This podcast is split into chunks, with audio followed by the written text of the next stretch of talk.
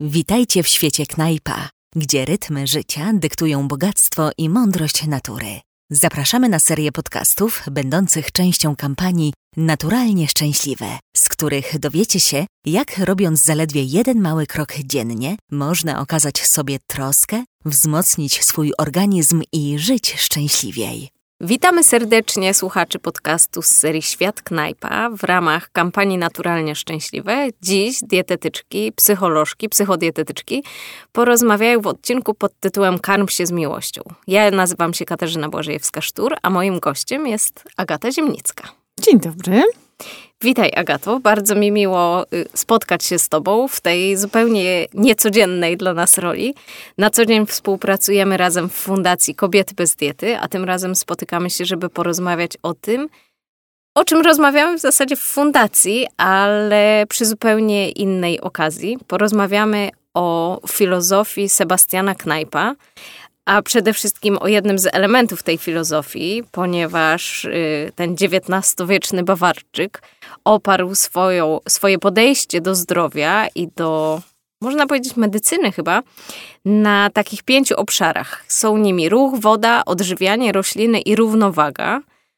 Ta terapia pomogła mu samodzielnie pokonać gruźlicę. Mam nadzieję, że my nie będziemy musieli y, radzić sobie aż z takimi problemami, ale myślę, że warto poznać y, tę filozofię bliżej i wprowadzić ją w życie. Czy ona jest trudna, czy nie? Ty już ją znasz dobrze. Agatko, jesteś ambasadorką kampanii Knajp Naturalnie Szczęśliwa. Znam ją dobrze, ponieważ jestem, yy, użyję tego pięknego słowa, ambasadorką, ekspertką nawet można powiedzieć bardziej, w tym programie już yy, od dawna. I rzeczywiście jedyne, co mi w niej nie pasuje, to to, że wymyślił to mężczyzna, choć to takie kobiece i naturalne, szczególnie w kontekście naszej fundacji, która jest kobieca i dla kobiet.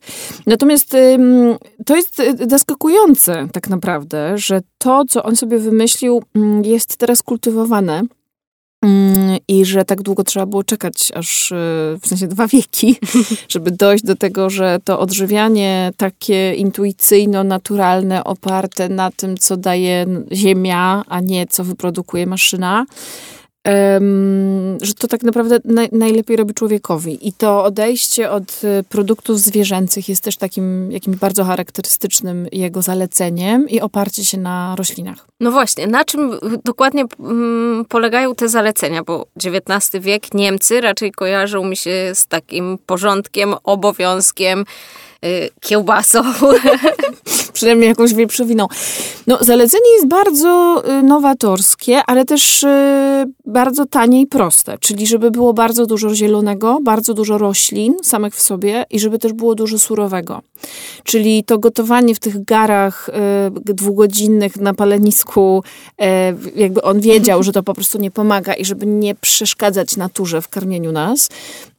No więc chodziło o to, żeby to odżywianie było tak przede wszystkim y, też niezbyt obfite. Y, I, I, głównie, żeby to były rośliny surowe albo delikatnie przygotowane i żeby było ich dużo i żeby to było główne źródło y, białka też, czyli żeby te strączki, które tam, nie wiem, czy, czy orzechy, czy inne produkty, które w Europie przecież rosną i rosły, żeby one wystarczały, więc mm, jakoś tak sobie wyobrażam taką wizję takiej lekkości takiego człowieka, który Y, jest szczupły, je często, y, a mało. Y, no, czyli tak jakby to, co my jakby dzisiaj proponujemy. No. Widzę już przed oczami taką zwiewną rusałkę, która skacze na łące, schyla się po rozmaryn i tymianek i go sobie skubie. Tak, a obok niej Sebastian Knajp sobie skacze z, nie wiem, z babką Płeśnik albo ale jak pomyślimy o współczesnych kobietach, to ten obraz jest zgoła inny chyba i to wyobrażenie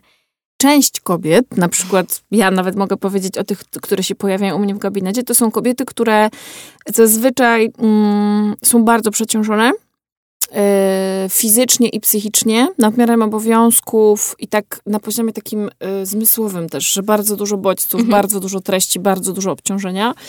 Zazwyczaj jeżeli taka kobieta ma rodzinę, która mm, się składa z dzieci, to jest po prostu pod, w podwójnej roli, a była i tak już w podwójnej, to teraz jest w potrójnej, więc jest bardzo zmęczona, sfrustrowana. Yy, no oczywiście cały czas jest w konkursie na najlepszą matkę, którego nie może wygrać, na najlepszą pracowniczkę, którego nie może wygrać, więc ona jest sfrustrowana, bardzo zmęczona. I też yy, no, badania pokazują, że yy, jakby radziliśmy sobie i kobiety i mężczyźni, ale bardziej kobiety z, z tym stresem, z tym napięciem z tą bezsilnością jedzeniem nadmiarowym, bo mamy takie poczucie wyobcowania izolacji, które w ogóle nie chcemy. Nawet introwertycy narzekają. A z drugiej strony jesteśmy napięte i nie ma za bardzo co z tym zrobić, bo też nie za bardzo można wyjść. A jeżeli można, no to nie wszyscy też lubią te spacery i nie można było chodzić ani na basen, ani na siłownię, ani na, na nic. W sensie, na, na nawet jeżeli jest ciężko chodzić na ćwiczenia i ktoś się jakoś tam... Zmobilizuje. Tak, zmobilizuje i tak, no to się nie, nie mogły. No więc nadmiarowe jedzenie powoduje, że no trochę się tyje, albo że ten organizm po prostu gorzej funkcjonuje i jest tak ciężko i ta mgła covidowa, którą mają ci, którzy chorowali, to nie jest tylko objaw COVID-u, tylko ta mgła covidowa to jest też mgła od po prostu nadmiaru cukru, nadmiaru tłuszczu, późnego jedzenia, nieregularnego. I też jeżeli się prowadzi dom i zajmuje się edukacją dzieci, i jeszcze się ma zazwyczaj do tego psa i jeszcze się pracuje, to no jest naprawdę, nie, jakby nie da się wyrobić z tym, żeby jeszcze się dobrze odżywiać, bo po prostu nie ma fizycznie miejsca w dłoniach, w głowie.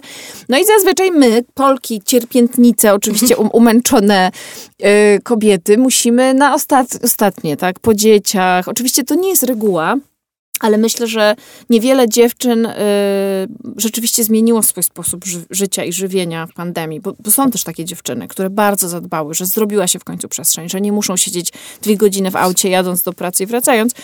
I one bardzo się dobrze czują i mówią o tym, że jakby przeszły te pandemie z taką godnością i lekkością, ale to jest jakiś promil, no. A my jesteśmy po prostu, ja też jestem w tej grupie, no i jakby jesteśmy poddane ogromnemu po, e, wysiłkowi ponad miarę i, i znalezienie dla siebie czasu, nawet żeby to było 10 minut powdychania, yy, nie wiem, tego rozmarynu, co ta rusałka, wiesz, i kupujesz normalnie w sklepie i przez internet ci przyjeżdża, to już jest jakaś szczelina, żeby o siebie zadbać. Więc to, co mi się jakoś niezwykle podoba w tym całym programie i w tej filozofii knajpa, to, że to w ogóle nie jest tak, że musisz naprawdę się wyprowadzić do lasu, i octem i gazetą myć okna i tam wdychać y, po prostu to, co się dzieje w, w ściółce, tylko wystarczy te dwa razy po 10 minut dziennie i już jest efekt. Chodzi o to, żeby się tak uziemić, tak jak on jakby mówił o tym ukorzenieniu, że, że jest wschód, zachód, y, a właściwie, że jest ranek, y, że jest tak, księżyc i słońce. Tak, pory dnia tak. i rytm. I żeby też życia. posłuchać tego ciała, co ono chce i dać mu jedzenie, które będzie potrzebne na ten czas, no, czyli takie, które wzmocni bardzo układ nerwowy, które spowoduje, że będziemy bardziej odporni na te stymulacje i internetowe i komputerowe, ale też po prostu poprawi nastrój, yy, wzmocni nasze zasoby pamięciowe, wzmocni odporność do jedzenia. Przecież my jesteśmy cały czas w tej sytuacji zagrożenia covidowego, plus jeszcze są inne różne choroby, bakterie Które nie zniknęły. I to myślę też jest ogromnie ważne, żeby nie myśleć sobie, o Jezu, jest mi tak źle, to zjem sobie coś słodkiego, tylko jest mi źle, zjem sobie coś słodkiego, ale dodatkowo zjem jeszcze porcję antyoksydantów, warzyw, owoców, odmrożę sobie, zrobię sobie, nie wiem, koktajl czy owsiankę, żeby się wzmocnić i odżywić, bo to ciało nie da rady. No właśnie, zwłaszcza, że yy, jak doskonale chyba wiemy, zjedzenie tego czegoś słodkiego, jak jest nam źle, wcale nie powoduje, że nam się robi wspaniale i jesteśmy wtedy szczęśliwe i myślimy o tym, że ruszamy podbijać świat dalej. Tylko wpadamy w depresję, albo robi nam się źle, albo co gorsza, mamy jakieś zachowania takie kompulsywne i e, takie karzące siebie za to, że zjadłyśmy to coś słodkiego, bo przecież wiem, że nie wolno jeść słodyczy. A z drugiej strony e, chyba wszyscy znamy taki moment w ciągu dnia czy w ciągu tygodnia, że nie mamy na nic siły i po prostu wydaje nam się, że ten batonik, kostka albo pół tabliczki czekolady uratują nam życie i będzie nam po tym lepiej. I chyba najgorsze jest to, że wcale tak nie jest. No dobrze, no ale te, te niedobre yy, czy niezdrowe rzeczy są w naszym świecie i one będą. I yy, ja na przykład sama to staram się stosować i zalecam też moim pacjentom, żeby na przykład, jeżeli mają ochotę na to coś słodkiego, to żeby wcześniej zjedli sałatkę albo wypili szklankę soku wyciśniętego. Nie muszę sami w domu wyciskać, tylko możemy iść do sklepu i możemy kupić y, soczek marchewkowy, wypić go, a potem może się okaże, że wcale nie potrzebujemy już y, jeść tej czekolady czy lodów.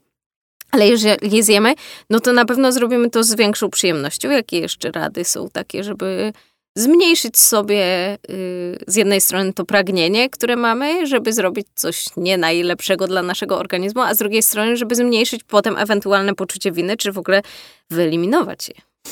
No ja myślę w ogóle, że to jest trochę tak, że jeżeli mamy jakąś taką potrzebę na coś, co jest niezdrowe, czy to słone, czy to słodkie i że to tak bardzo dominuje, no to trzeba się w ogóle zastanowić po pierwsze, czy ja jestem głodna. Mhm. Bo to może być tak, że to jest głód, a ciało nam podpowiada, teraz już tak długo nie jadłaś, że teraz już dużo cukru, dużo tłuszczu, dużo kalorii, bo teraz już wiesz, już przeholowałaś. No więc trzeba się zastanowić, ok, co ja jadłam i kiedy. I jeżeli nadal mam, a i okaże się, że nie jadłam, no to jakby jemy po prostu dobry posiłek. I druga sprawa jest taka, że jeżeli sobie cały czas zakazujemy i mamy jakąś rodzinę, która jest normalnie funkcjonująca, że tam dzieci coś przedszkole, szkoła, i są jakby desery wokół na świecie i podwieczorki w szkołach i tak dalej, no to też jakby cały czas mówienie sobie, że nie mogę, nakręca to. Po prostu jesteśmy kontrasugestywni, więc można po prostu zaplanować, że w sobotę w domu jest ciasto, które robimy z dziećmi i wszyscy je jemy i ono jest normalnej wielkości, z normalnym produktem, który możemy jeść tam, jak ktoś jest bez czegoś, to unikamy tam, nie wiem, czy mleka, czy czegoś. No ale robimy ciasto po prostu i jemy je i to jest okej. Okay. Bo często jest tak, że przez zakaz nam się po prostu chce. Że to jest tak, że jestem świetną matką, jestem świetną właścicielką firmy, jestem świetną pracowniczką, świetnie ogarniam dom, świetnie dbam o rodziców. I jestem fantastyczną kochanką. Jezu, jestem fantastyczną kochanką, oczywiście, jeszcze przyjaciółką i jeszcze jeżdżę na rowerze i chodzę na tenis. I jakby jeżeli my nie zjemy tego czegoś słodkiego, to trochę jest tak, że odrealniamy w ogóle swoje człowieczeństwo. W sensie, że my po prostu, wiesz, no jak się nie pali, nie pije, no, no musi być jakiś kawałek goryczy. No to tak. rozumiesz w lodzikach albo tam, nie wiem, w chipsikach. Więc myślę, że pierwsza rzecz jest taka, żeby sprawdzić, czy nie jestem głodna. Druga, żeby zaplanować coś, co ja bardzo lubię, czyli albo te chipsy, albo ten popcorn, albo te lody, albo cokolwiek. Że Czyli nie biorę czekolady light i ciasteczka bez cukru, znaczy, jak... owsiane. Mamy takie koleżanki w fundacji, które na przykład kochają zdrowe słodycze. No jak im to robić, no to niech sobie... Ale chodzi o to, żeby też było miejsce na to, że właśnie wolno i to jest oficjalnie w tej rodzinie, że okej, okay, że to jemy. No i rzeczywiście ja w ogóle mam takie podejście do tego jedzenia takich rzeczy niepotrzebnych, że jedzenie takie jak śniadanie, obiad, kolacja, czyli węglowodany, białka, tłuszcze i te wszystkie witaminy, antyoksydanty, że to jest trochę tak, jakbyś miała założyć majtki i biustonosz. I jakąś tam kieckę. Mhm. I w mhm. tym wychodzisz z domu. Natomiast te słodycze i te chipsy i te wszystkie dodatkowe rzeczy, no to to jest trochę biżuteria. Tak. I ty i tak musisz zjeść. I tak musisz założyć te majtki biustonosz i sukienkę. I jakby czy zjadłaś dużo tych słodyczy, czy nie, czy zjadłaś te chipsy, czy nie, bo byłaś zdenerwowana, nie ogarniałaś, to i tak trzeba założyć majtki biustonosz i sukienkę. I jakby myślę, że to jest kluczowe, żeby sobie powiedzieć, że to jest dodatek, który może być nadmiarem kalorii i bardzo mnie osłabić, ale ja i tak muszę po prostu zjeść te rzeczy, które odżywią mój organizm. I jakby myślę, że to jest w ogóle super kluczowe, żeby zrozumieć, że jedzenie, pieczywo, płatki owsiane rano i do tego jakieś, nie wiem, jagody, yy, mleko, yy, jakieś białko, ryba, że to buduje nasze ciało i że my nie możemy nie jeść, bo cały czas jakby w filozofii nowoczesności i odżywiania klucz i cel jest taki, żeby nie jeść. Wszystko jest niezdrowe, tak. zakazane i po prostu najlepiej, im dłużej nie zjesz, im mniej zjesz, tym lepiej. Ja pamiętam taki moment na studiach, y, jak y, na Akademii Medycznej dowiadywałam się, jak jedzenie negatywnie wpływa na zdrowie i na nasz organizm, a na SGGW dowiadywałam się, w jaki sposób produkowane jest jedzenie, więc tym bardziej wiedziałam, jak to źle wpływa na nasz organizm, że wchodziłam do sklepu i naprawdę wychodziłam stamtąd z niczym, wychodziłam głodna, z zaciśniętym żołądkiem i sobie myślałam, że wszystko mi zaszkodzi i, i, i myślę, że otarłam się o zaburzenia odżywiania, czy nawet już tam weszłam. Potem na szczęście poznałam filozofię slow foodu, która y, jest bardzo bliska, myślę, y, filozofii Sebastiana Knajpa związana jest z tym, że po prostu czerpiemy z tego, co jest wokół nas, co jest najprostsze, najnaturalniejsze, w związku z czym jest to też łatwo dostępne dla nas. Y, I nagle poczułam szczęście z takiego korzystania z tego, co jemy. I myślę, że warto jest dawać sobie takie drobne przyjemności i teraz uwaga, nie mam na myśli właśnie tych y, chipsów, czekolady czy lodów, tylko przyjemność z zadbania o siebie, z tego, że dam sobie coś najlepszego, czyli jak jest mi już tak strasznie źle i czuję, że życie wymyka mi się spod kontroli, to wrzucam y, szpinak, który wyjmuję z plastikowego woreczka i wiem, że to jest y, nie najbardziej ekologiczne rozwiązanie, natomiast kupuję w sklepie obok domu w plastikowym woreczku szpinak, jabłko, wrzucam to do blendera, zalewam wodą, robię sobie taki koktajl i nagle mam poczucie, że dałam sobie coś wspaniałego, odżywczego, y, co nie zajęło dużo czasu i dzięki temu czuję się troszkę zaopiekowana i czuję, że mam jakąś tam nową siłę i energię. I myślę, że warto jest y, tym jedzeniem troszczyć się o siebie, nie tylko jedzeniem, ale w ogóle takim zadbaniem o siebie, bo my, kobiety, mamy tendencję do tego, żeby zatroszczyć się o wszystkich wokoło, a siebie stawiamy na końcu, a potem naprawdę tracimy siłę. Oczywiście y, nie mówimy sobie wtedy z wyrozumiałością, że rzeczywiście zrobiłaś dziś tak strasznie dużo i tylu y, osobom pomogłaś i tyle rzeczy zdziałałaś. Może coś nie wyszło, może na przykład cały dzień sprzątałaś, a w domu znowu jest bałagan, no ale jednak y, sprzątałaś i podejmowałaś tę walkę, ale potem nie myślimy o sobie jako o kimś, kto zrobił dużo, tylko mamy do siebie pretensje, że teraz jest 21 a, albo 19, a ja już nie mam siły.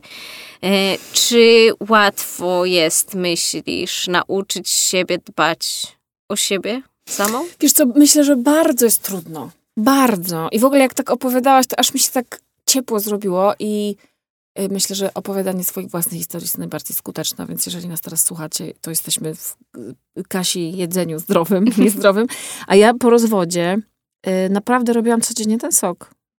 I to naprawdę było tak, że ja wstawałam rano i zanim jeszcze wstawiłam ten ekspres, zrobiłam dzieciakom śniadanie, to robiłam sobie, ale w ogóle to było jakieś takie, że ja nie do końca miałam świadomość chyba, że co się dzieje.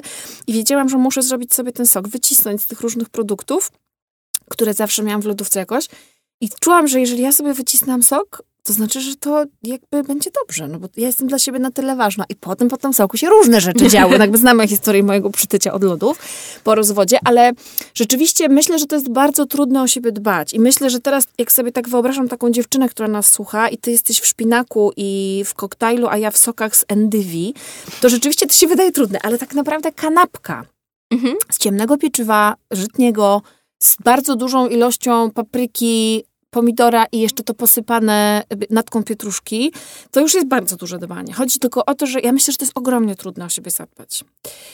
I to jest smutne, natomiast da się, bo jesteśmy tu obie i, i jednak o siebie dbamy. I jakby ty dzisiaj zrobiłaś dla siebie to, że na pewno zjadłaś dobre śniadanie i ja to wiem i ja też to, to zrobiłam dla siebie, bo jakoś ja wierzę, że to, co ja dzisiaj zjadłam, to się opłaci mojemu ciału i mi ten mini wysiłek, tak. bo dzisiaj akurat zrobiłam koktajl z rukolą.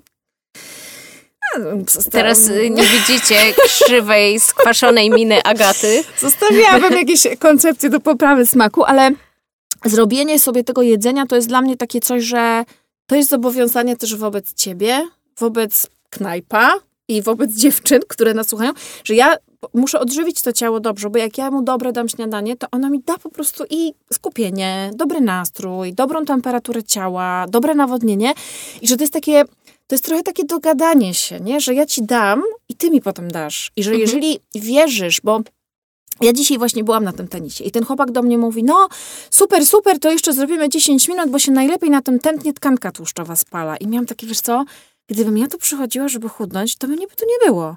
Ponieważ ja przychodzę tu, bo to jest bardzo przyjemne. I myślę, że tak samo jest z jedzeniem. Jeżeli wierzysz, że zjedzenie orzecha spowoduje, że będziesz miała więcej kwasu omega-3 i lepszy nastrój i większą odporność i ładniejszą skórę. I do tego dodasz antyoksydanty. Ja dodam jakieś moringi, dzisiaj wsypam sobie jakieś florelle, tam w ogóle wszystko znalazłam, nie, żeby było bardziej zielone. I myślisz sobie, Jezu, mam te truskawki w zamrażarce, ale super, że ja sobie kupiłam te truskawki. I że sam fakt, że masz te produkty, to już jest w mhm. ogóle miłe, że znalazłeś na to miejsce. I myślę, że jeżeli wierzysz, że to, co jesz, wpływa na twoje dobre samopoczucie, to uważam, że po prostu łatwo to zrobić potem. Tylko, że jest jeszcze jedna ważna rzecz, to też jest moje ostatnie odkrycie. Jeżeli zaczynasz malusieńkimi krokami, naprawdę małymi, my z dziewczynami w programie, o którym zaraz będziemy mówić, no to tam były, one miały tam, nie dwa tygodnie, żeby pić wodę, wiesz, no to tak. bardzo długo. Ostatecznie żeśmy analizowały to po trzech miesiącach, czy piją, no bo jakby wszystko wiemy, nie? Że to jest bardzo trudne wprowadzić nawyk. I jeżeli sobie zaczynasz wprowadzać nawyk za trudny, czyli od dzisiaj w ogóle nie jem chleba, albo od dzisiaj już tylko jem e, same warzywa, albo no nie, jakby tysiące Jem tych pięć rzeczy. posiłków oddzielne, które sama przygotuję Tak. w domu. Przed Pięć po- pracą, tak. wstanę o trzeciej. Tak, tak, oczywiście stanę o trzeciej, to każdy posiłek będzie się składał z innych warzyw, codziennie w ogóle jest inny obiad. Jeżeli sobie to założysz, no to wiadomo, że po tygodniu sfrustrowana jesteś w tych chipsach. Albo raczej trzeciego dnia. No, zakładam, że już teraz dziewczyny się potrafią przycisnąć. I myślę, że to jest chyba kluczowe, żeby to było tak małe i żeby dać sobie na to tyle czasu, żeby mm, po prostu się nam, y, jakby, że założenie jest takie, że do końca życia mogę już to robić, że to jest na tyle nieinwazyjne w moim życiu. A z drugiej strony, jeżeli zaczynasz taką fajną relację z ciałem, zaczynasz robić te zakupy i kumasz i robisz to jedzenie, najpierw masz jeden dobry posiłek, potem dwa dobre posiłki, dochodzisz do trzech i właściwie już wystarczy, nie? No bo Tak. to potem na przykład coś się zadziewa. Są święta, wyjeżdżasz, chorujesz i myślę, że to jest w ogóle klucz. Że ten moment po, tym, po tej przerwie w dbaniu, kiedy albo nic nie jesz, bo jesteś chora, albo jesz zupełnie inaczej, bo jesteś na wyjeździe, żeby potem wrócić. I myślę, że to jest też wspaniałe, y, żeby w ogóle zobaczyć, że to jest okej, że ja teraz przez te dwa tygodnie miałam inaczej. Bo to jest okej, że w ogóle nic nie jadłam, bo byłam chora. Albo, że to jest okej, że jadłam strasznie dużo czegoś tam, bo tam ciotka, rozumiesz, robiła roladę czy tam. I myślę, że to jest też w ogóle fajne, żeby to nie był taki projekt, ja teraz muszę udowodnić, tylko ja od dziś cokolwiek dla siebie zrobię. No i prawda jest taka, co powiedziałaś, że kobietom naprawdę trudno jest o siebie zadbać. No i trochę jak sobie myślę, że dzisiaj siedzimy, no to co ty mogłaś dzisiaj dla siebie zrobić rano? Zasuwałaś, y, szukałaś dla, y, dla y, syna zeszytu do angielskiego po 15 sklepach. Jakby co my więcej możemy zrobić, niż wziąć ze sobą ciepłą wodę i zrobić sobie po prostu dobre śniadanie, no bo już potem, już, już potem znikasz w tym świecie. My Tak. już jesteśmy w pracy, zaraz będziemy musiały odebrać dzieci i jak, jakoś sobie myślę, że to jedzenie to jest naprawdę jedyny sposób, znaczy nie jedyny, najprostszy sposób, żeby sobie wyrazić szacunek, budować też zdrowie, no i być w takiej relacji ze sobą, że często coś dla siebie robisz. Po prostu robisz sobie tą kanapkę z tą papryką. Nie myślę, że to jest... e, Jesteś taka wspaniała i czuła i Tak. kochająca dla siebie.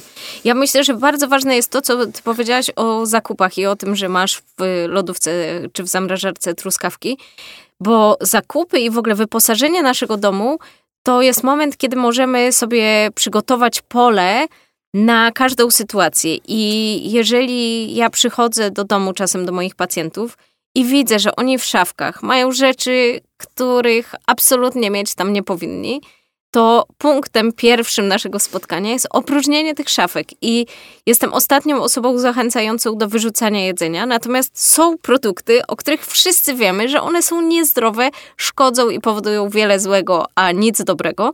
Więc lepiej moim zdaniem jest je wyrzucić po prostu i pozbyć się ich z domu i właśnie mieć pełną zamrażarkę y, warzyw i owoców, które w chwili spadku energetycznego, y, totalnego zmęczenia, wracamy do domu głodne, dzieci marudzą, rozwaliła się reklamówka pod drzwiami i tak dalej, i tak dalej. Wszyscy y, wiemy, że takie sytuacje nam się przytrafiają.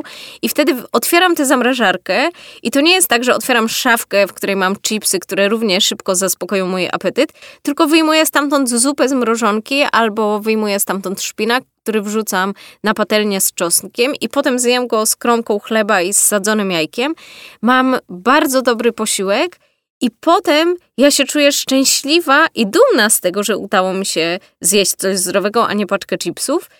A jednocześnie jest to, jestem zabezpieczona na każdą ewentualność. To znaczy, jeżeli przyjdę do domu i postanowię teraz zrobić sałatkę i ugotować świeżą zupę i jeszcze tam, nie wiem, gołąbki zawinąć z kaszą jaglaną i z soczewicą, to świetnie, ale wszystkie mamy takie momenty, że może nam się to nie udać. I yy, myślę, że takie zabezpieczenie na trudny moment jest bardzo ważne. Ale co jeszcze możemy, albo co w ogóle Twoim zdaniem jest takiego ważnego, żeby mieć u siebie na stałe y, w lodówce, w spiżarce, bo wyrzucamy te pokusy niezdrowe, a na ich miejsce co wstawiamy? Wiesz co, ja w ogóle chciałabym jeszcze dopowiedzieć do tego, co ty mówisz, bo ja, y, ja to bardzo teraz praktykuję. I to mi się udaje, bo to jest metoda małych kroków. Ja się chcę bardzo tym podzielić. Bardzo na to czekałam, że mnie o to zapytasz, ale nie wiedziałam, czy mnie zapytasz, ponieważ mnie w okresie, kiedy dzieci były w domu i była pandemia, doprowadziło do po prostu jakby skrajnego wyczerpania nerwowego to jedzenie. A właściwie gotowanie, które lubię, ale nagle się okazało, że jak myślę o tym, że znowu, jak wiesz, śniadanie, drugie śniadanie, obiad, podwieczorek i kolacja. Pięć wydanych posiłków, bo one były cały czas tak, w domu. nie ma nic w przedszkolu ani w szkole. No to, to, to było takie zło. Ja byłam tak sfrustrowana i doszłam do wniosku, że jeżeli tak zostanie, to oszaleję. I po prostu byłam niemiła już dla tych dzieci najgorzej. W sensie nawet nie podeszłam do konkursu na najlepszą mamę. W sensie, wiesz, jakby straszne wyrzutu sumienia i w ogóle była. I to, co zrobiłam, to wysłuchałam, yy, znalazłam webinar dziewczyny dietetyczki, której nie będę reklamować, no bo chyba nie wolno, która mówi o tym, jak to ogarnąć w domu. I ona, i ona po prostu zaproponowała, bo chodzi o to, że wykonałam pracę, żeby sobie z tym poradzić. To, o to mi chodzi, że to tak. nie jest proste. To trzeba dostać po prostu narzędzie, że jak to zrobić. I ona po prostu dokładnie opowiedziała, jak to się dzieje u nich i że oni w poniedziałek robią obiad na dwa dni, w środę na dwa dni i w piątek na dwa dni. I to po prostu było dla mnie tak odkrywcze, że naprawdę możemy jakby ten obiad dwa razy, że ja nie muszę. Plus, że w skrajnym za... przypadku jeszcze powiem, jeżeli masz taką totalnie wybraną rodzinę, która nie je dwa dni tego samego pod rząd, to możesz te pół obiadu z poniedziałku zamrozić i rozmrozić w czwartek. Dokładnie. I, I, wszyscy w ogóle już są zachwyceni. I myślę, że to jest też super, żeby sobie zrobić takie naprawdę urealnione wymagania. Czyli no te y, twoje gołąbki z tą kaszą raz w tygodniu. Natomiast poza tym zawsze w poniedziałek i we wtorek jest ryba, y, w środę i w czwartek zawsze jest zupa z jakimś wkładem, wiesz, takim tam, nie wiem, czy soczowicą, czy tam z mhm. ciecierzycą. Y, I potem jakby zawsze po prostu robisz to samo. I planujesz to jedzenie na cały tydzień, po prostu spisujesz na kartce śniadanie, obiad, kolacja, piszesz co to będzie i robisz po prostu listę zakupów i robisz zakupy na cały tydzień i wtedy cię nic nie zaskoczy i to jest wspaniałe moim zdaniem i ja naprawdę jakby mi się to udaje. Natomiast to, co warto mieć w domu, to ja jeszcze coś takiego stosuję, że ja gotuję kaszę, na przykład jaglaną na śniadanie i robię jej trzy razy za dużo i potem używam tej kaszy i sobie w tym planie to piszę, mhm. że dodajemy do zupy pomidorowej zamiast makaronu, no bo tam pszenica, nie? I że potem robimy z tej kaszy, nie wiem, placuszki na przykład tak. i dodajemy jajko. Czyli, że raz gotujesz kaszę, bo słuchajcie, no kasza się gotuje 20 minut, no ale w naszych głowach to jest jakiś Monteverest. W sensie, no kaszę mam gotować, no wolę makaron, bo makaron się gotuje 10, kasza... No więc jak już ta kasza jest w lodówce, to też bardzo pomaga. I y, no, no moje must have to, to znaczy ja y, staram się gotować jak najkrócej i najszybciej, więc mam zestaw rzeczy, czyli zawsze z kasza, zawsze są jakieś y, strączki, staram się kupować w słoiku, bo jednak y, te puszki mnie tak, tak hmm, a są dostępne w słoikach, więc mam ciecierzycę, soczewice i to wszystko jest. E, zawsze mam orzechy, zawsze dużo i w ogóle mam zawsze orzechy przy sobie, zawsze. W sensie zawsze wiem, że może, mogę być głodna i ten orzech mnie na pewno I nie uratuje. umrzesz i nie zemdlejesz Tak, nie no nie kupię sobie batonika, no przecież to bardziej o to chodzi, nie? Żeby właśnie się nie skusić. E, I mam mrożone warzywa, e, różne, w sensie, że to, co tylko jest dostępne, mhm. to kupuję i też mrożone owoce. E, mam napoje roślinne, które są też zamknięte tak. i czekają. Masło orzechowe. E, zawsze mam jakąś pietruszkę, w, trzymam, wiesz, natkę pietruszki, żeby zrobić pesto, w razie czego już naprawdę koniec świata. Mm, no i co jeszcze mam? Sok pomidorowy. O. Też zawsze mam sok pomidorowy, zawsze mi to trzeba. No i ciemną czekoladę. I myślę, że to już i tak jest bardzo. No i oczywiście sos pomidorowy, żeby zrobić. No jakby. Tak, gotowe półprodukty do. Tak. No i zamrożone buliony. Mhm. Czyli tak. za każdym razem, jak robię bulion, to zostawiam. Za, za, każdym razem odlewam i zostawiam takie małe torebeczki w zamrażarce i potem jak robię, nie wiem, risotto czy kaszotto, to wystarczy tylko wrzucić tą torbę i to działa. Natomiast to i tak jest trudne. Moim zdaniem chyba kluczowe w dobrym odżywianiu są dwie rzeczy. Po pierwsze, żeby wiedzieć, po co ja to jem. Co, na czym mi zależy. Czy ja chcę mieć ładną skórę? Czy ja chcę mieć yy, dobry nastrój? Czy ja chcę być mniej śpiąca, czy ja chcę być, e, nie wiem, mieć mniej tkanki tłuszczowej, albo czy chcę mieć na przykład super e, wyniki krwi i mieć mało cukru. I wtedy, jak będziesz dziewczyną, która nas słuchasz, jak będziesz dziewczyną wiedziała, czego chcesz, no to po prostu wyobraźcie sobie taką osobę, która nagle się dowiaduje, że ma podagrę. Co robi ta osoba? Natychmiast sprawdza te pięć produktów, których nie wolno, pięć, które musi i ona non-stop jedzie na tych pięć.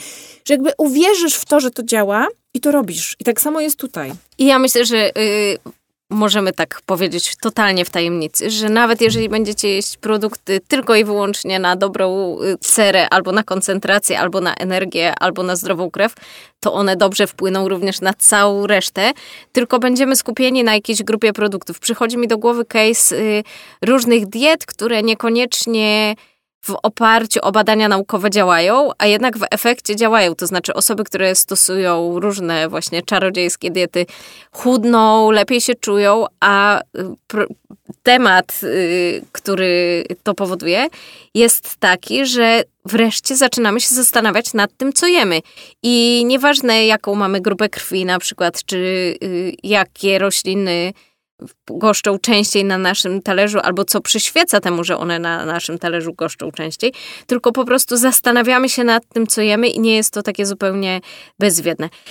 E, ja my, mam jeszcze taką myśl o tym, że wstajemy rano, najczęściej sięgamy po telefon, ogląd- scrollujemy Instagrama, żeby się troszkę obudzić, oglądamy różne mm piękne panie, które albo piją właśnie koktajl, który zrobiły o 6 rano, albo są właśnie na siłowni, albo skończyły trening i pobiegały 10 kilometrów.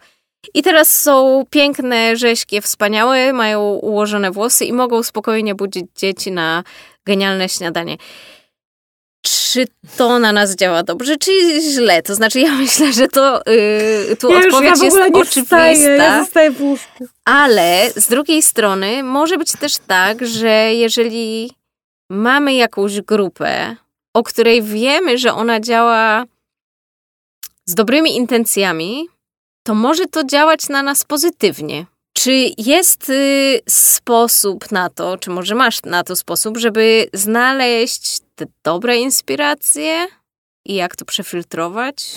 Czy to wychodzi z naszego ciała, czy po prostu słucham siebie i mojego brzucha, co on, jak on reaguje na widok konkretnej pani i ją obserwuje albo jej nie obserwuje? Wiesz co, no ja myślę, że chyba tak jest rzeczywiście, że to może bardzo motywować ciebie, co zupełnie mnie nie będzie motywować. I ja myślę, że jakbym miała słuchać swojego brzucha, to jest taka grupa na przykład, y, która się nazywa Knipe Team. To jest nasza knajpowa grupa na Facebooku. I to jest właśnie y, grupa y, nasza jakby, tutaj knajpowa. I dziewczyny tam wrzucają, co im udało im się poćwiczyć. No ale te zdjęcia naprawdę nie są wiesz, no to nie jest szósta rano i one nie są po peelingu, kawą i olejem z Argentyny, tylko one są naprawdę spocone, zmęczone, prawdziwe i też piszą o tym, że tak mi się dzisiaj nie chciało. To było tak najgorsze wyjście. W sensie, że ja, ja myślę, że y, prawda chyba i autentyczność jest kluczowa. Czyli jeżeli ktoś robi portal czy tam profil żeby mieć lajki, to wiesz, widzisz to, że ta mhm. dziewczyna po prostu zrobiła sobie 20 zdjęć w sobotę rano w różnych ciuchach i wrzuca teraz, a nadal leży w łóżku. I ja myślę, że to może być bardzo inspirujące i bardzo fajnie jest w ogóle się też dzielić tymi efektami swojej pracy, czy tam tego, tego starania, czy tak. dbania, nie? że masz takich ludzi, którzy się z tobą pocieszą, że ci się udało i że mm, w jakimś sensie robi się taka moda na to, żeby po prostu się szanować, dbać i, i, i coś dobrego zjeść w ciągu dnia. I myślę, że super kluczowa jest ta selekcja. To znaczy, ja w ogóle jestem wielkim przeciwnikiem Instagrama, y, bo ja po prostu sobie nie radzę z tym, co tam się dzieje, ale też rzeczywiście to, co jest jakoś dla mnie ważne, to że ja wyrzucam te profile, które są dla mnie zbyt piękne, zbyt cukierkowe, bo to jest tylko podkręcanie tego uprzedmiotowienia y, kobiet.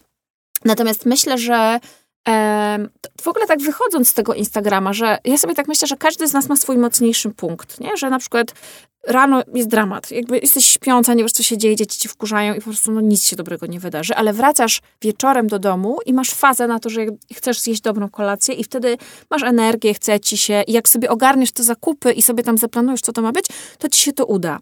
Ale są też takie osoby, które tylko rano dobrze funkcjonują. Bo potem to już ja jest... Jestem. Ja też. Ja wolę zrobić rano, bo wiadomo, że się potem nie wiadomo, co wydarzy. I myślę, że też z tych pięciu posiłków idealnych, o których rozmawiałyśmy, warto sobie powiedzieć, ok, to ja na, w takim razie do końca roku szkolnego, czyli do końca czerwca, to jest taka perspektywa czteromiesięczna, marzec, kwiecień, maj, czerwiec, tak? Ja sobie teraz będę po prostu robiła dobre śniadania i nic więcej nie jest potrzebne. Co to znaczy dobre śniadanie? Trzeba wykonać pracę, czyli zajrzeć do internetu, wyszukać sobie fajne przepisy, przepisy wybrać sobie pięć najprostszych, pięć sobotnich, pięć niedzielnych i mieć te przepisy, żeby one były dostępne, kupić te produkty, które są potrzebne i sobie zaplanować, co to ma być. I jeżeli to się tak wydarzy, że ja wiem, wstając dzisiaj na przykład rano, że ja wiedziałam dzisiaj, że jak się obudziłam, że mam te truskawki, mam te maliny, mam tą rukolę i że mam to mleko, czy tam napój owsiany i zrobię sobie ten koktajl, to ja, ym, to się nie wymknie.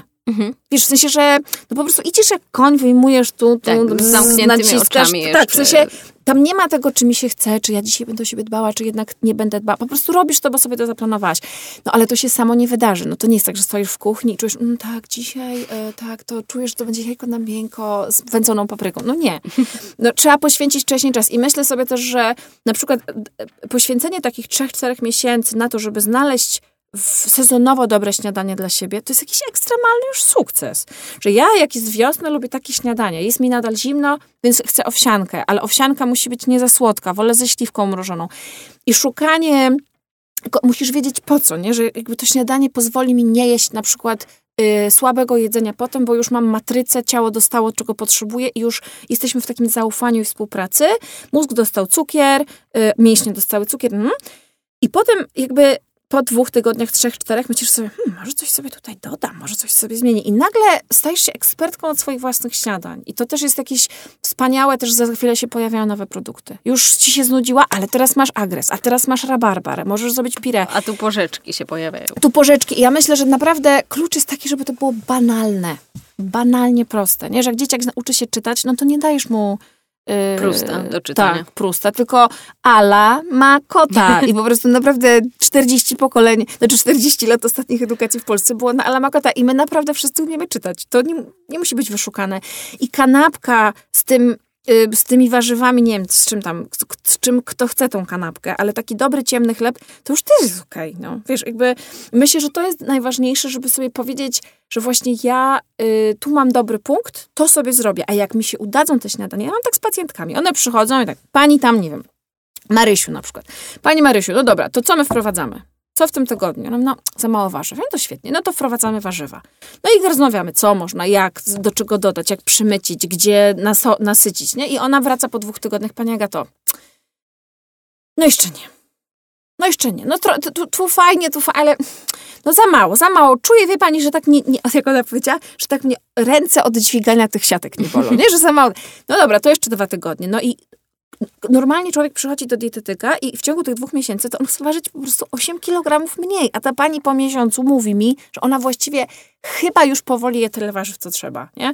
No to ta perspektywa właśnie perfekcji instagramowej i wszystkiego tak. na tak, a tego, co to, co to znaczy? To jest mozu, trzeba kupić, iść, obrać, pokroić. Potem jak się tego nie zje, to jakoś przerobić. To jest naprawdę dużo, tylko że jeżeli poświęcimy na to wprowadzanie warzyw do diety dwa miesiące, to to po prostu z tobą zostanie. No więc właśnie teraz, jak y, rozmawiamy, to ja cały czas sobie myślę, że gdzie w tym miejscu jest dieta? Przecież każda z nas chce być na diecie, chce szybko schudnąć. Cztery miesiące do wakacji powiedziałaś, a właściwie w czerwcu to już chce być e, super fit. I jak to wszystko zrobić? To znaczy, jak połączyć to, o czym ty mówisz, z byciem na diecie? Wiesz co, no ja myślę w ogóle, że to jest tak duża, to jest tak duży temat, że jakoś bym chciała tak e, skondensować to. Po pierwsze, jeżeli ktoś jest otyły od urodzenia, to on już był na tylu dietach i to tak totalnie nie działało, że ja jako dietetyczka i psycholożka naprawdę wysyłam go do bariatry i do lekarza, który zajmuje się leczeniem otyłości obesytologa. No nie jest ich w Polsce może dużo, ale wysyłam go. Jeżeli ktoś ma nadwagę od 10 lat, tył chudł, tył chudł i cały czas jakby błędne koło, no to powiedzmy sobie otwarcie, że wiemy, że te scenariusze z chudnięciem w marcu na czerwiec y, są skuteczne, tak, do są tylko lipca, do lipca. No właśnie, w lipcu już jakby jesteśmy we fryteczkach w rybce nad morzem. I trochę mam tak, że no to po prostu nie działa. Mhm. I takie przemocowe traktowanie się i takie podduszanie się wręcz pod wodą po to, żeby, wiesz, żeby się okazało, że to ciało wygląda tak jak w kanonie jest, po prostu znowu zrobi to samo i jeszcze gorzej zrobi, bo każde to chudnięcie i potem powrót zostawia kilogram dwa. Czyli... No właśnie, jak spojrzymy na takie długoterminowe mm. wykresy osób, które chudną, a potem tyją zupełnie niechcący, to widzimy, że to jest taka krzywa wznosząca, prawda? Tak, że gdyby ta osoba te 10 lat temu, myśląc, że jest bardzo gruba, a oczywiście wszyscy mówią, Boże, byłam wtedy taka wspaniale wyglądałam, to, to gdyby ona się nie odchudzała, to ona by po prostu wyjściowo ważyła te 8, tam 7 kilo, kilogramów mniej. Więc to też jest tak, że te wszystkie rzeczy nie zadziałały. Spróbuj teraz inaczej żeby po prostu nie robić tego przemocowo, tylko z troską. Natomiast są też osoby, które mają wagę w normie, ale na przykład przytyły w pandemii. Mhm. I to są osoby, które po prostu mówią, nie mogę się zmieścić w swoje ubrania, źle się czuję, jest mi to ciężko, jakoś chcę, tak, chcę być taka mm, świeża i, no nie wiem, sprawna, tak? Bo dziewczyny też narzekają, tak. że nic nie robiły. No i dla takiej osoby no to, to trochę jest co tu zrobić, czy być na tej diecie, nie? No bo ten organizm jest przyzwyczajony do czegoś innego i też do innego jedzenia i też trudno jest mm, powiedzieć sobie, dobra, to teraz zjem dużo warzyw i będzie I wszystko, wszystko dobrze. Będzie Tylko, że trochę tak będzie. To znaczy, to jakby ja też ja jakby nie chcę, żeby tak było, że nikt na świecie nie może się odchudzać, ponieważ ta otyłość, nadwaga powoduje choroby, więc w jakimś sensie spadek tej masy ciała nad, nadmiarowej, na przykład tkanki tłuszczowej, wynikająca, covidowa tkanka tłuszczowa tak zwana, myślę, że powinna być taka jednostka w ogóle chorobowa, no to ona powinna zejść, jeżeli ona jakby przyszła... Wraca do stanu, w którym była przez drogę. Tak, tak. I myślę, że to jest super, żeby zobaczyć, czy ja przytyłam, bo się nie ruszałam, czy ja przytyłam, bo jadłam dużo, czy ja przytyłam, bo ja podjadałam. No i poszukać tego. I potem stwierdzić, ok, no to, to przestanę to robić. I to już jest dużo i zobaczymy, co się dzieje z ciałem. Czy ono przestanie tyć, czy ono trochę zrzuci. Trzeba to sprawdzić. Natomiast przejście na taką dietę, jeżeli człowiek jest zdrowy, ym, no, myślę, że dietą taką, żeby spróbować stracić tę tkankę tłuszczową, jest po prostu niejedzenie syfu. I samo to już powinno przynieść e, jakiś efekt. I myślę, że to jest fajny cel dla kogoś, rzeczywiście, żeby w wakacje mieć, ale no, klucz jest taki, że za rok chyba lepiej mieć totalny luz i naprawdę czuć się dobrze, a sobie pozwolić na to, że w ramach tego, że przeszłam dramatyczną chorobę, albo moi bliscy byli chorzy, albo przeszłam straszny stres, to jest mi wolno nie radzić sobie idealnie, żeby jeszcze być szczupłą. Natomiast założyć, że w ramach tego, że będę jeść dobrze, karmić się właśnie z miłością i miłością do siebie, to to ciało odda tę tkankę tłuszczową. Trochę trzeba będzie pewnie pochodzić na jakieś dłuższe spacery, szybsze i po prostu pomóc temu ciału, ale nie ograniczając jedzenie, tylko je urozmaicając, wzbogacając, wyszukiwać po prostu tych super produktów, no i zrobić sobie założenie, że chodzę po prostu 45 minut dziennie na szybki spacer, no i to po prostu fizyka zrobi. Nie? No właśnie, ja myślę, że yy, dla mnie było takie bardzo uświadamiające to, jak spojrzałam na mój zegarek, który liczy mi kroki i znałam ten zegarek i liczbę kroków, które przechodziłam w ciągu dnia, jak sobie go kupiłam i się tym strasznie jarałam i ekscytowałam.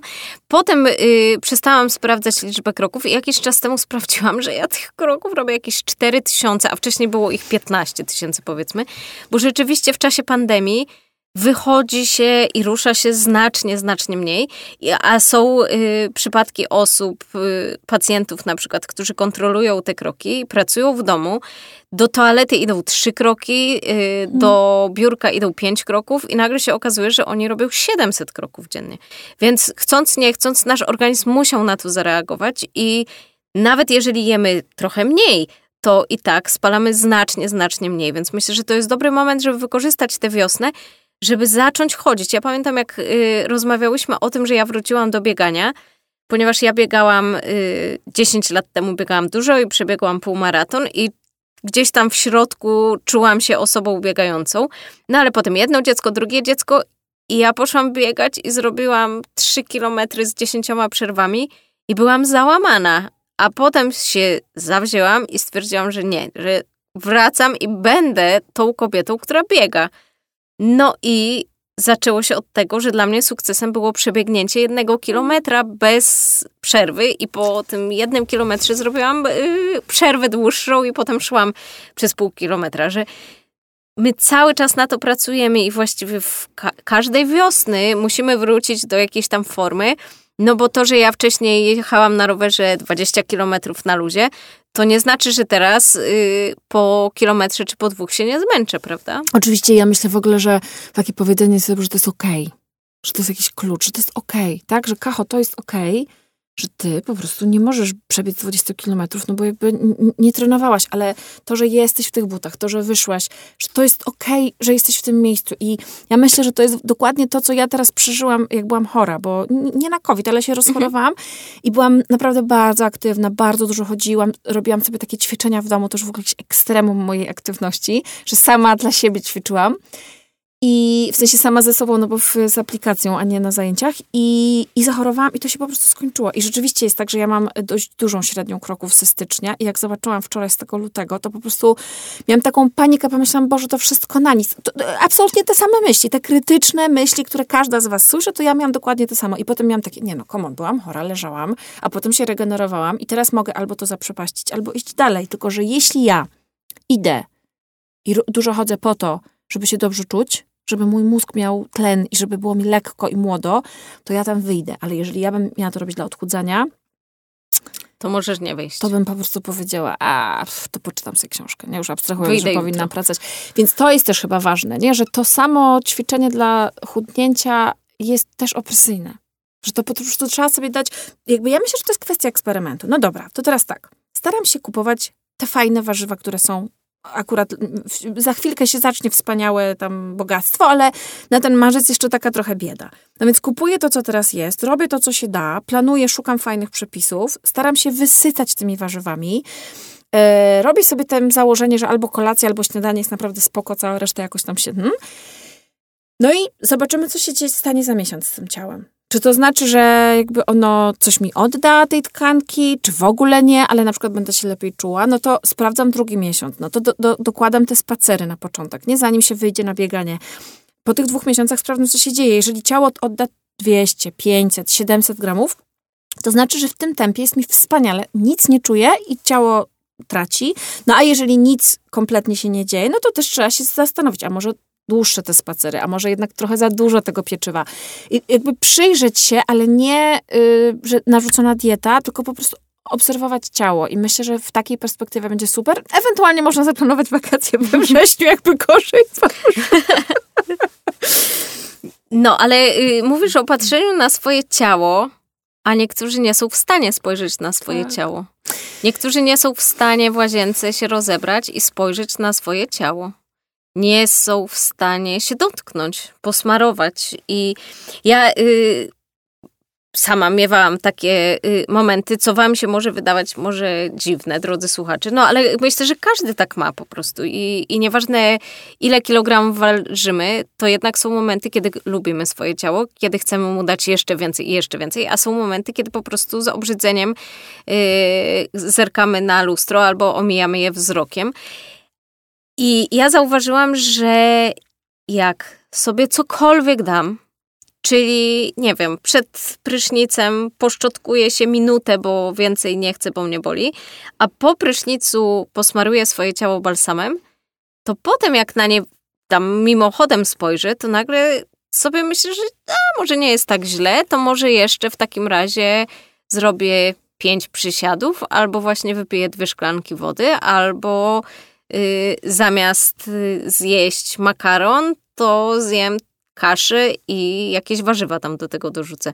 Że czasem strasznie trudno jest nam się przekonać i troszeczkę dać, ale potem jest nam coraz łatwiej, nie? Tak, i myślę, że to patrzenie, w, to w ogóle jest taki smutny temat, patrzenie w to lustro, nie? że to tak jakby jak nie spojrzę, to się nie okaże że tak wyglądam. Ale czasem też jest tak, że jak dziewczyny spojrzą, to nagle się okazuje, że tam nie jest aż tak bardzo źle, że one sobie jakby, że ta nasza wyobraźnia i taka surowość niewyobrażalna wobec tych ciał e, powoduje, że my wpadamy w taką nienawiść. Wiesz, to, to, to jest naprawdę mocne. Jak, tak. jak dziewczyny opowiadają w gabinecie, to naprawdę przejmujące. Zresztą przecież stąd się wzięła nasza mm, fundacja, nie? że słyszałyśmy o tym, że ciało jest piękne, wspaniałe i cudowne, a potem w gabinecie dziewczyny opowiadały, że, że właściwie to nienawidzę i chciałabym zniknąć. I myślę sobie o tym, że takie dopuszczenie, że właśnie tak jak dziś jest, jest okej. Okay. Nie umiałaś inaczej, nie zabiłaś nikogo, nie okradłaś nikogo, y, nie bierzesz narkotyków, dzieci nadal chodzą do szkoły, robisz to pranie, jakby wszystko dajesz radę robić, kosztem ciała i tym bardziej trzeba się pochylić i mu podziękować i powiedzieć sobie, że, no, no że to jest okej, okay, że to jest przykre i trudne, ale że to jest okej. Okay. Myślę, że to jest w ogóle jakieś bardzo znaczące. I myślę też, że taka świadomość, że ciało y, dostaje od środka i taka perspektywa, że trochę zajmie mu, żeby to jakby przyjąć, wiesz, że jeżeli zaczynasz na przykład dobrze jeść, ktoś dziś by zaczął dobrze jeść, to efekt tego jest y, niby teoretycznie za chwilę, ale widzisz te, te, te mm, no tak, tak jakby to dobro w ciele po dwóch miesiącach, kiedy ta komórka się wysyci i tak, Tak. dalej. Więc też jeżeli zaczynamy jeść dziś, no to będzie widać, że skóra jest inna, będzie widać, że oczy są inne, w sensie po prostu lepiej Tak, się to widać czujesz. po pacjentach, jak wracają do gabinetu po dwóch tygodniach. Nie? Oni po Że prostu to już inaczej wyglądają. Tak, jest. oni inaczej wyglądają i jest. Ja, ja to rozpoznaję właśnie w takim. y, świeżym wzroku, ja to tak nazywam, że te świeże warzywa i owoce powodują świeży wzrok. Natomiast bardzo myślę, że fajne jest to, to ten, ten, ten Sebastian Knajp proponował, dać też ciału od zewnątrz, czyli posmarować tym balsamem, dać te zioła, y, powdychać trochę olejków. Wiesz, y, wszystkie te produkty, które zawierają migdał czy miętę, one są pobudzające, jednocześnie y, mm, wpływają na to, że skóra jest mniej wysuszona, no bo natłuszczają ją. I myślę sobie, że w ogóle takie zintegrowanie ciała, nie? że jakby to, co ja tutaj mam, ta tkanka tłuszczowa, bo przecież tylko to widzimy, i ewentualnie jakieś wcięcie w talii, y, to to jest dokładnie to, co jest w środku, Tak. że ja mam tam narządy i żeby połączyć po prostu te układy, które się ma z tą skórą, która jest na zewnątrz i z tymi kształtami i że ostatecznie to w ogóle nie jest ja i moje ciało, tylko to jestem ja cała. Co? Tak. I że to, że dostarczam od środka, będzie widać na zewnątrz i to, że można sobie tym samym, wiesz, że robisz sobie tą maseczkę z oliwy i z jajka na włosy i że jesz to samo i możesz to nałożyć od zewnątrz i wykorzystanie też tej mm, aromaterapii. Dla mnie to jest jakoś niezwykle ważne. W sensie dla mnie to te zapachy rano, Dzisiaj właśnie brałam prysznic i mam eukaliptus z miętą. Zresztą y, oczywiście knajpa mam, bo ja kocham te y, produkty. I nawet dzisiaj miałam taką myśl, Jezu, jakie to jest wspaniałe, że takie dwie rośliny wrzucone do takiego po prostu pudełka powodują, że mi się otwiera, wiesz, nos i I się i ożywiasz. się ży- ożywiasz. Naprawdę. I miałam takie, jakie to jest proste. I myślę, że takie, że ja w ogóle często zaczynam pracę z y, dziewczynami, które do mnie przychodzą, od tego, żeby one się posmarowały kremem, nie? Że w ogóle od zewnątrz, żeby dać ciału. I, I żeby... poczuć, że to ciało jest częścią Tak. mnie. Tak. Bardzo Was zachęcamy do tego, żeby czuć swoje ciało, żeby je odżywiać, żeby o nie dbać i zachęcamy Was do wzięcia udziału w programie Naturalne Szczęśliwe z nową energią. Możecie się zgłosić do tego programu na stronie Naturalnie Szczęśliwe. Trwa konkurs i y, możecie wziąć udział w cyklu 12 warsztatów, y, podczas których ambasadorki marki Knajp, między innymi Agata Ziemnicka, przeprowadzą was przez szereg takich bardzo prostych zadań, które pozwolą wam tę energię y, wycisnąć z siebie i y, zapewniam was, że Agata zadziała na was jak ten listek mięty. Nie, ja, ja dziewczyny jestem po pierwszej edycji tego programu Naturalnie Szczęśliwe bez stresu y, y, nazywała się ta pierwsza edycja i muszę wam powiedzieć, że d- naprawdę dawno nie przydarzyło mi się coś, co wywołało we mnie taką troskę. W sensie my jako ekspertki z Olą Potykanowicz i z y, Gosią Jachacz-Łopatą i z Olą Żelazo miałyśmy takie różne zadania, ale ostatecznie my żeśmy same totalnie korzystały i jakby korzystałyśmy z tych wzajemnych porad i, i rzeczywiście muszę, muszę, muszę to powiedzieć wam, że ja po prostu jestem otoczona takim siostrzeństwem do dziś y, i, i biorę te zimne prysznice, które Gosia, mm, naprzemienne, które Gosia proponowała i mam praktykę wdzięczności, którą proponowała Ola i że to realnie wpłynęło na życie moje i mojej rodziny i że to jest wspaniałe, bo też ten program jest o tym, żeby to były małe kroki i o tym, żeby sobie pozwalać i żeby jak tylko dziewczyny tam próbowały, że och, nic mi się w tym tygodniu nie udało, no bo to jest klasyczne, co mówimy o sobie, to my, my mówiliśmy, nie, no nie, no nie, poczekaj, czyli że mm, w takim kręgu kobiecym urealnienie jest, że nie da się więcej zrobić niż y, sobie Niż za- zrobiłaś. Tak, i że to jest okej, a część dziewczyn mówiła, nic w tym tygodniu nie zrobiłam i to też było, no, no to fajnie, jesteśmy z tobą. Wspaniałe doświadczenie. Teraz będzie e, więcej e, dziewczyn, bo było pięć, a teraz będzie dziesięć, więc ja się na to bardzo cieszę. E, to są, słuchajcie, takie mm, sesje. Ja sobie to w ogóle tak wyobrażam zawsze, jak to przez te trzy miesiące miałyśmy, że my siedzimy w takiej łaźni. I że, e, wiesz, pachną te takie, jest taka para i że pachnie ten tymianek, i że ten Sebastian się brzozowymi i że. Sebastian Knajp tam polewa tymi cytrusowymi olejkami i że realnie, myśmy siedziały w komputerach przecież, żeby to nie, nie, nie.